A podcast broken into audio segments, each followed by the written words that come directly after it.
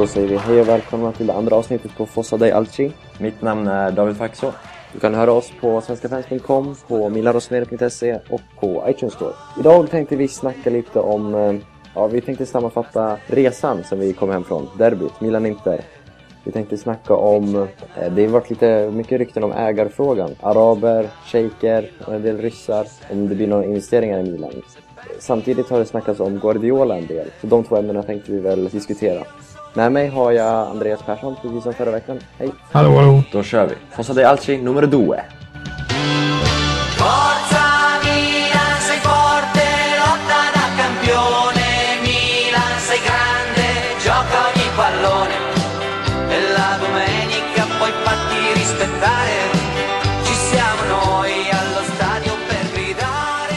Kom hem från eh, Milan-Inter i måndags och det var väl eh, en del blandade känslor från resan måste man ju säga. Efter matchen så var ju inte du allt för besviken, eller hur? Trots förlusten. Ja, det är svårt att vara nöjd efter en derbyvinst så ju, men det är ju samtidigt så är det ju en eh, enormt häftig upplevelse att gå på ett derby. Kanske speciellt ett hemmaderby. Och i kombination med att spelet såg väldigt bra ut och man ser att laget kämpar enormt så är det, ja, det är inte så att resan blir förstörd av, eh, av en förlust. Ja, jag tycker att vi hade en bra resa, otroligt. Vi hade trevligt, det var skönt väder, god mat, jag lärde mig dricka kaffe. Och derbyt i sig, liksom. Att sitta så nära kurva syd som vi gjorde. Ny sektion för min del, orange sida. Liksom, att vara där. Vi kom ju lite sent dock. Vi, vi jag vet inte riktigt hur vi planerade. Så vi var bara på plats en timme innan ungefär. Vilket Ja, det var alldeles för sent. extremt dålig planering. Ifall ni åker ner till Milano så rekommenderas jag att vara tid två timmar innan match avspark alltså. Det är speciellt stormatcher. Rekommenderas varmt. Ja, och just derbyt kan man ju verkligen rekommendera. Vi, vi har ju båda varit tillsammans också och så Barcelona i Champions League till exempel. Och det är ju det är häftigt att så. Man- Vi såg även eh, Napoli City under samma tid då ju och eh, det är ju väldigt stora matcher och eh, Napoli var ju något speciellt. Men samtidigt det här derbyt är ju det går liksom inte... Ja, det finns inget som är som det här derbyt med, med den, eh, vad ska man säga, att det är ju dels kurvorna liksom som har, som hela tiden, eh, det är ju något, verkligen något, något unikt med att se två så stora tifo på varsin sida och se och höra dem eh, sjunga mot varandra hela tiden. Det är, ju- det är något unikt med den ljudkulissen där är också på San Siro. Det är oerhört spektakulärt. Man kan ju tycka vad man vill om eh, affärerna mellan Milan och Inter. Det har ju varit en del genom åren. Men det var ju ganska, eh, eller vad man ska säga, intressant. Men hatet och ramsorna Casano fick motta var ju, ja det var, ja jag tror jag faktiskt använder ordet intressant. Han fick höra en hel del, jag vet inte om det gick fram över tvn. Men ni som var där, om det var någon, ni förstår vad vi snackar om. Det var Casano om och Di Merda matchen igenom. Och innan matchen också. Jag tror det framgick i rutan också. Ja, en del, eh, det kan man ju säga lite snabbt att Milan blev eh, eh, bestraffad bestraffade för någon av banderollerna som var mot dem. Mot just Casano. Vilket man kan tycka är lite, lite ja, sådär om. Men det var väl någon som, där man så, sa, kallade Casano för eh, förrädare och bad om att få tillbaks defibrillatorn. Det skulle vara den som eh, man blev bestraffad för. Så lite sånt är det, men det är ju, mycket av det är ju med glimten i ögat och sådär. Så det, Glimten i ögat hade ju Inters tifo, onekligen. De började ju med något väldigt fult försök till en dödsruna eller något dylikt. Som jag eh, talade ner direkt. Men sen vecklade de ut en ny banderoll som var, jag tyckte den var ganska rolig faktiskt. När det liksom pikar Happy Summer Milan, eller vad det stod. mm. Ganska fyndigt tyckte jag. Även om eh, Milan väl vann tifokampen. Ja, det, på, det var ju spektakulärt just med tanke på att den går över tre sektioner. Mm. Eh, det har ju inte Inter och bortalaget i derbyt chansen till eh, för att man får inte ha tre sektioner som bortalag. Men eh, det blir ju väldigt eh, häftigt när det är så eh, väldigt, väldigt stort. Mm. Eh, sen kan man ju tycka att Inters var, var fyndigare. Även om Milan också var fyndiga med en del banderoller också och eh, Striccione. Någon som sa eh, Inters eh, Madonina är en, eh, en kopia som är gjord i Kina. Det var väldigt fint tyckte jag. Just med tanke på deras eh, kinesiska investerare som ska bygga arenan. Så lite sånt med, med glimten i ögat. Och att det just är med glimten i ögat och det inte är något liksom slagsmål eller så. Man kan se Inter-supportrar och Milan-supportrar som går bredvid varandra, åker tåg bredvid varandra till, eh, till och från matchen. Och... Man kan se en eh, blåa Schneider och en röd Boateng kille och tjej gå och hålla hand till matchen, från matchen. Ja. Eh, så um, hatet, är, ja, glimten i ögat är väl dagens ord. Mm, så är det ju. Samtidigt som intresset är ofantligt stort i hela, i hela staden. Det är liksom när vi satt på, eh, på kaféet och åt frukost. Och det ska man verkligen rekommendera att äta frukost ute när man är där och inte äta på hotellet. Tycker jag. Eh, så, så det snackades ju om derbyt så fort man kom in i, i kaféet och det, alla som kom in där snackade om det. Även om det var, oavsett om det var en man i 60-årsåldern eller en eh, affärskvinna i 35-årsåldern. Så, så så fort de kom in så kom jag spec specifikt ihåg en eh, affärskvinna i 35-årsåldern med kostym och hela som, eh, som inte hälsade när han kom in alls utan hon bara utbrast eh, David Melito. Var det någon som såg Melito på plan? Vad gjorde han och sådär liksom. Så det, alla verkligen bryr sig om det här, den här matchen.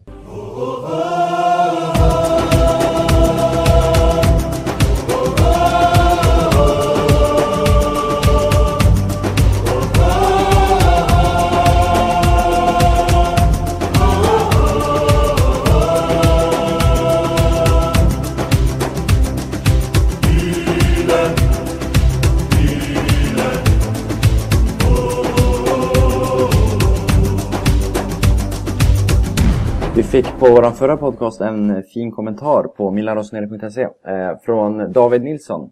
Flitig kommenterare, det uppskattas rejält. Han frågar så här, nu ska jag läsa ordagrant. Jag skulle gärna vilja att ni gör nästa podcast, eh, att ni diskuterar dagens glödheta fråga kring, kring araberna eller ryssarna. Ligger det något i detta rykte? Kan det bli aktuellt snart, eller är det bara bullshit? Vi kan ju börja där, om vi stannar på frågan där. Eh, ägarfrågan. Om vi ska reda ut lite namn och hur det har ryktats nu. Det är alltså Mr Qatar himself. Hamad bin Khalifa Al Thani heter en man som styr i Qatar helt enkelt. Det är ju familjen där. Han är shejk i Qatar. Mr Al Thani äger också, eller allt som heter Qatar mer eller mindre. Eh, Qatar Foundation som gick in med jättesponsring till Barca är han överhuvud i. Qatar Oil som är stort. Han har också varit inne i flera, i flera fotbollsklubbar. Han har försökt köpa United, han har försökt köpa Glasgow Rangers. Men eh, nu ryktas det alltså om Milan.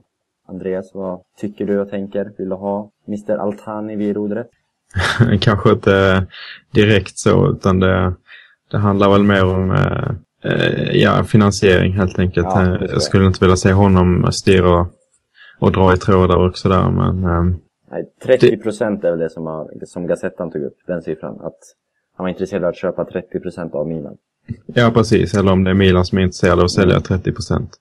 Det, det handlar ju här, det är ju väldigt många, ska jag inte säga att det är, men det är ju det finns ju rika människor som eh, i teorin hade kunnat köpa fotbollsklubbar men det är inte alltid fotbollsklubbar är till salu, långt ifrån. Du nämnde United där Glazer-familjen inte alls är intresserade av, av att sälja United eftersom de eh, tjänar fruktansvärt mycket på, på fotbollsklubben. De, eh, vilket såklart är dåligt för United men det är bra för ägarna. Mm.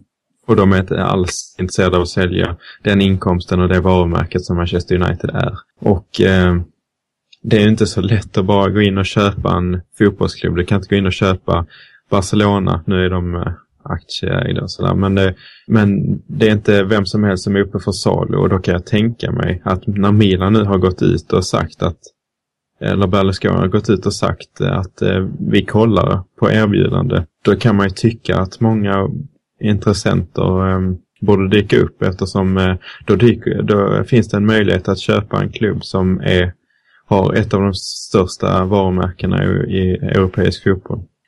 Eh, om du tar just den grejen med Barcelona så är det ju det är ju en bizarr summa de betalar för att, tröj, för att vara tröjsponsor.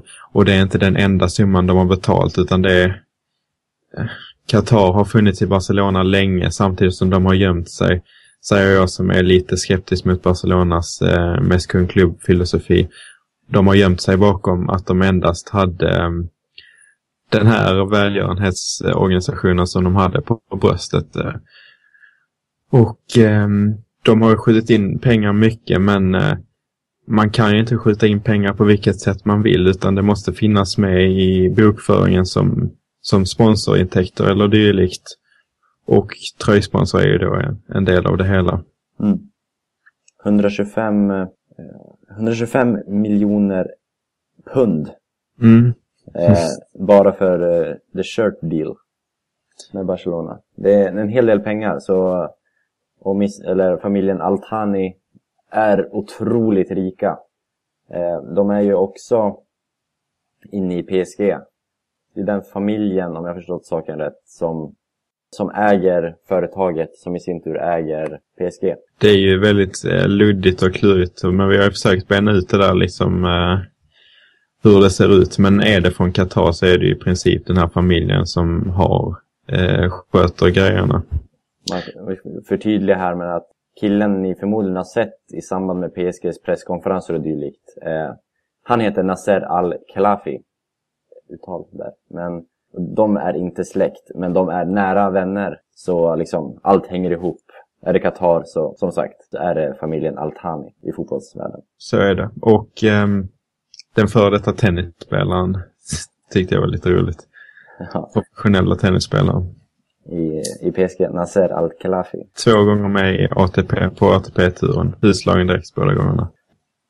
Men det, det är väldigt intressant det här eh, just med tanke på eh, det finns ofantligt mycket pengar i Qatar men det beror också på vilket sätt eh, man skjuter in pengar i klubben just med tanke på eh, Uefas Financial Fair Play som kommer upp och eh, de, som de verkligen verkar vara på, eh, verkar ta på allvar Uefa. Och det är ju klubbar som har anpassat sig efter det också, inte Milan. Eh, Milan inte mindre än någon annan.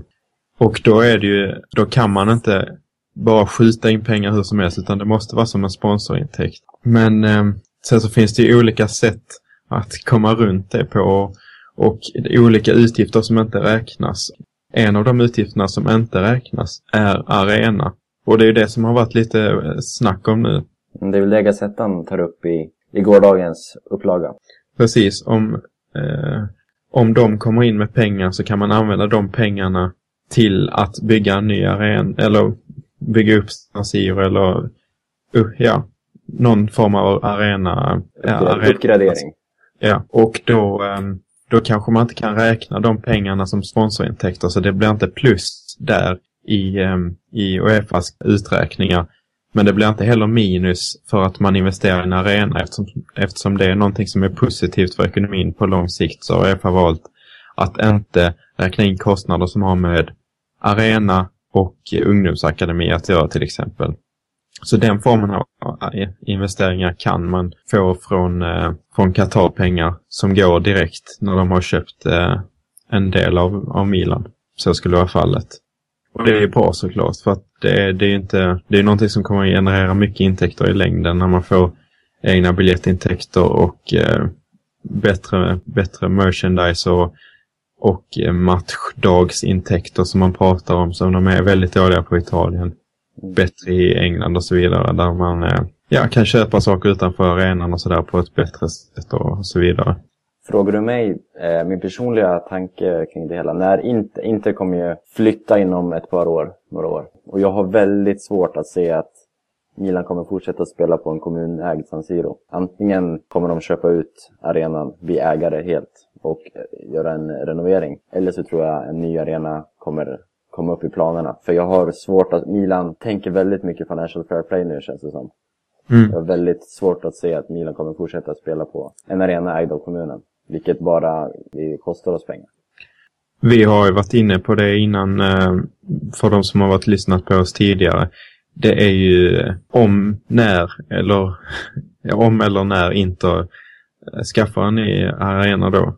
Då kommer ju Milan stå med ett bra förhandlingsläge med, med kommunen i Milano. Eller dåligt, det beror lite på hur man ser det. Men man kan ju hota med att bygga en ny arena helt enkelt. Och kommunen Milano är ju verkligen inte intresserad av att ha en tom San Siro som går och drar liksom eh, massa kostnader utan intäkter. Det enda de har är kanske någon konsert då och då och sådär. Så de vill ju inte att eh, båda lagen ska lämna San Siro. Exakt. De vill ju helst ha det så som det är nu när de drar in en jävla massa cash på det men, eh, men om båda lämnar så ser det inte lika roligt ut. Så man kan gissa att Galliani kan få förhandla fram ett fint kontrakt där. Och den här metoden då att, eh, att få in en ny en delägare där och eh, investera hans pengar till arenan kan ju vara ett sätt att eh, lösa det här med Financial Fair Play. Ett annat sätt att gå runt det, eh, om man får säga så, är ju även att plocka in en ny person som sponsor indirekt nu eller på sikt kommer att äga klubben. Men i dagsläget så löser man det som så att de skjuter in väldigt mycket pengar genom sponsorintäkter. I början av förra året så var jag inne på det här jag trodde att det kan vara, kunde vara ett alternativ och jag vågar inte utesluta det helt nu heller. Att eh, Resart Tachi, eh, en alban eh, som äger Tachi Oil en, eh, han har gått in i Milan då i början av eh, förra, år, förra säsongen. Eh, investerade väldigt mycket pengar som sponsor. Han har sedan tidigare dels sagt att han håller för Milan och lite sånt där. Eh, han har även försökt eh, köpa upp andra italienska klubbar. Jag tror det var Parma som var aktuellt. Bologna. Bologna, förlåt. Mm.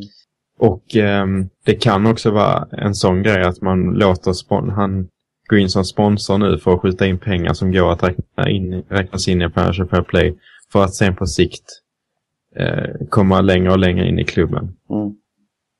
Det är också ett alternativ. Vi har sett City göra det till en extrem där de har köpt upp arenan för att få, eller betalat, eh, ägarfamiljen har betalat absurda summor för att, för att eh, få eh, sitt namn på, eh, på arenan. Och det räknas ju som sponsorintäkter då, men det är ju ägaren som har skjutit in de pengarna egentligen. Så en eh, light-version av det, eller ja. Om vi fortsätter läsa på David Nilssons kommentar eh, på milarosonere.se så fortsätter han ju så här. Även kring Guardiolas vara eller icke vara i Milan, om han skulle komma, betyder detta att han kommer kunna ställa högre krav än Allegri? Själv värva in nyförvärven?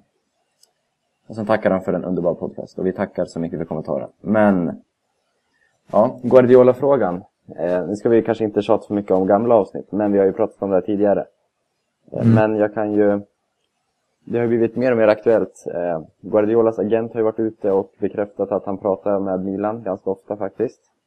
Eh, men inte något konkret så, enligt uttalandena. Man vet inte vad som händer egentligen. Men eh, jag var ju ganska tidigt inne på eh, när Guardiola lämnade Barcelona. Eh, Berlusconi har ju varit fascinerad av Barcelona och Barcelonas spel otroligt länge och verkligen gillat Guardiola. Att Guardiola skulle komma till Milan någon dag eh, har jag sett som ganska troligt. Och nu verkar han ju vara närmare än, än någonsin. Detta med Allegris bristande resultat, men även om Allegri skulle presterat bättre tror jag Guardiola hade varit ett alternativ. Det som eh, talar emot är ju pengarna såklart. Guardiola kräver en, en, en dyr drift och kräver förmodligen en hel del nyförvärv. Vilket Milan kanske inte har råd med. Men eh, i och med det vi pratade om i förra delen, eh, investerare utifrån, så kan ju Milan få, få pengar över. Och också att man har den här sommaren, sommaren, ja, silly season, att man sålde Silva, att man sålde Zlatan. Att man skeppade iväg alla äldre spelare och på så vis har sparat in otroligt stora pengar. Att det kan vara liksom ett relativt långsiktigt tänk för att kunna ta in Guardiola och för att Guardiola ska kunna inte välja fritt. Det är inte möjligt med dagens fotbollskonkurrenter. Men liksom att, att kunna peka lite och ge liksom råd på, på spelarköp inte en omöjlighet. Kanske, men det, önsketänkande är det väl inte heller, för jag gillar väl inte riktigt Guardiola så, men ja. Jag ser det inte som en omöjlighet om vi, om vi slutar där. Jag vet inte om, hur du tänker och tycker om de tankarna. Det, det är ju ett alternativ och jag, jag har också varit inne på det att eh, det har ju sett ut lite om man kollar historiskt så har vi ju, det är inte första gången som Milan liksom säljer ut nu är det visserligen två stora stjärnor som går samtidigt och eh, det är ju unikt på sitt sätt.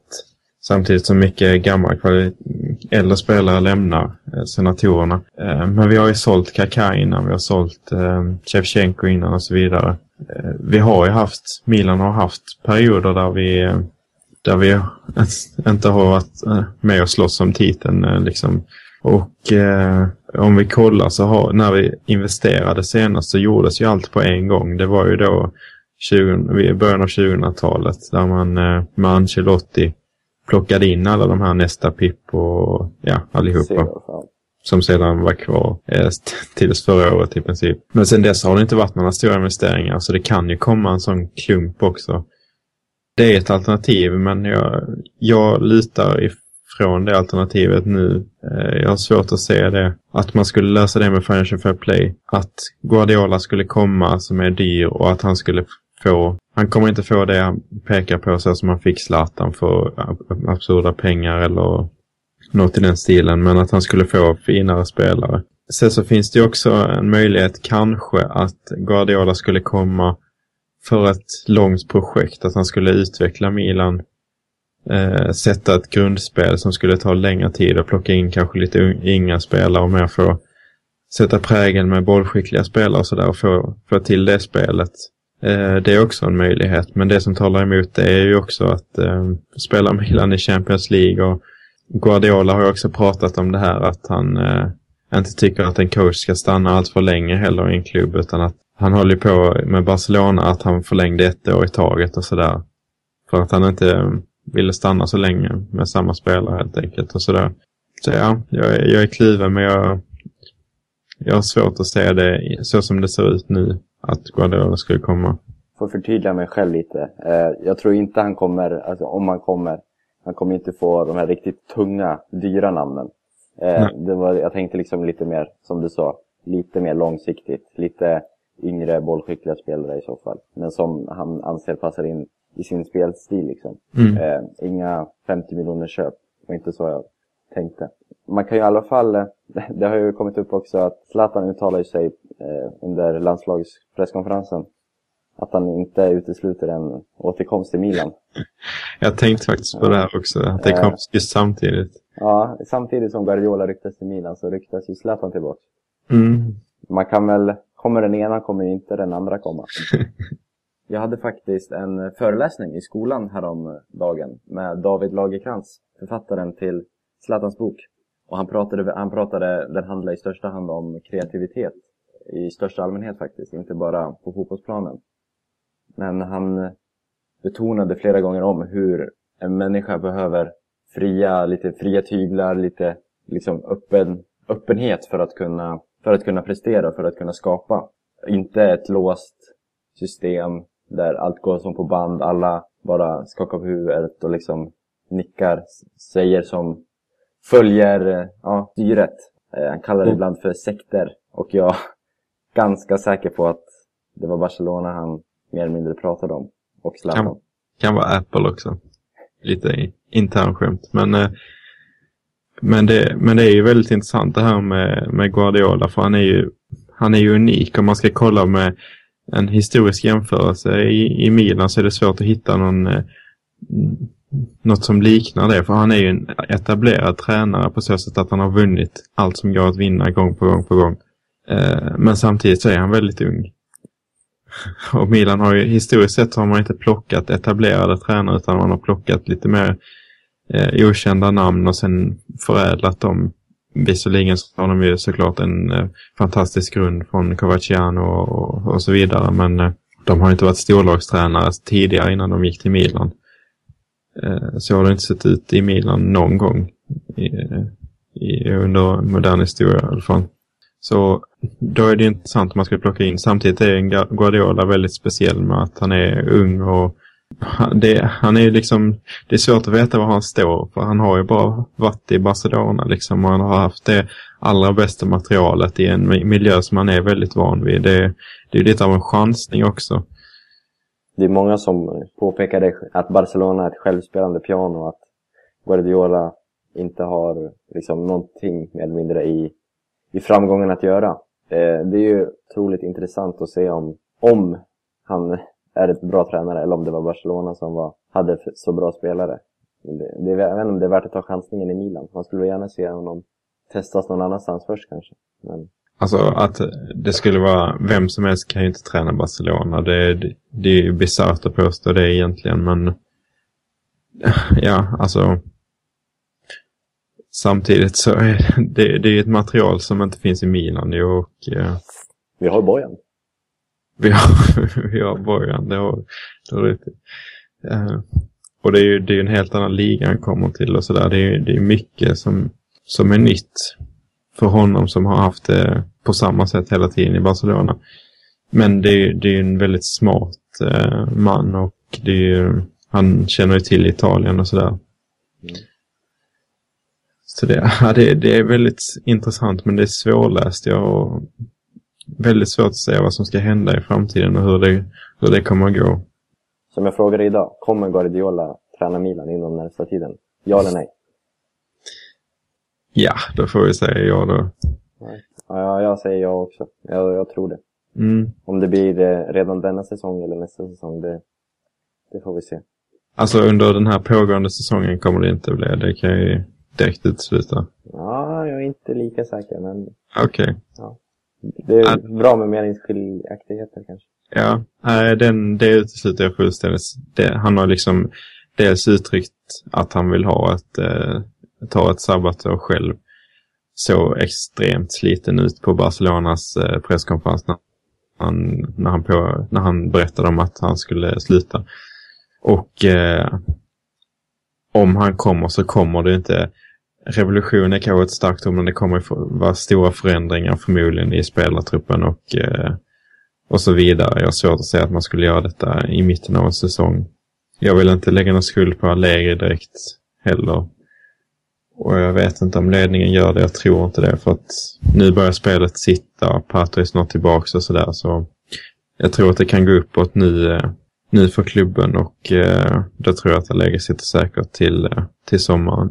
Det är inte Milans, eh, det ligger inte i Milans historia heller att eh, sparka tränaren under mitten av pågående säsong. Ale, ale, ale, Milan, ale, forza lotta, vincerai, non ti lasceremo mai.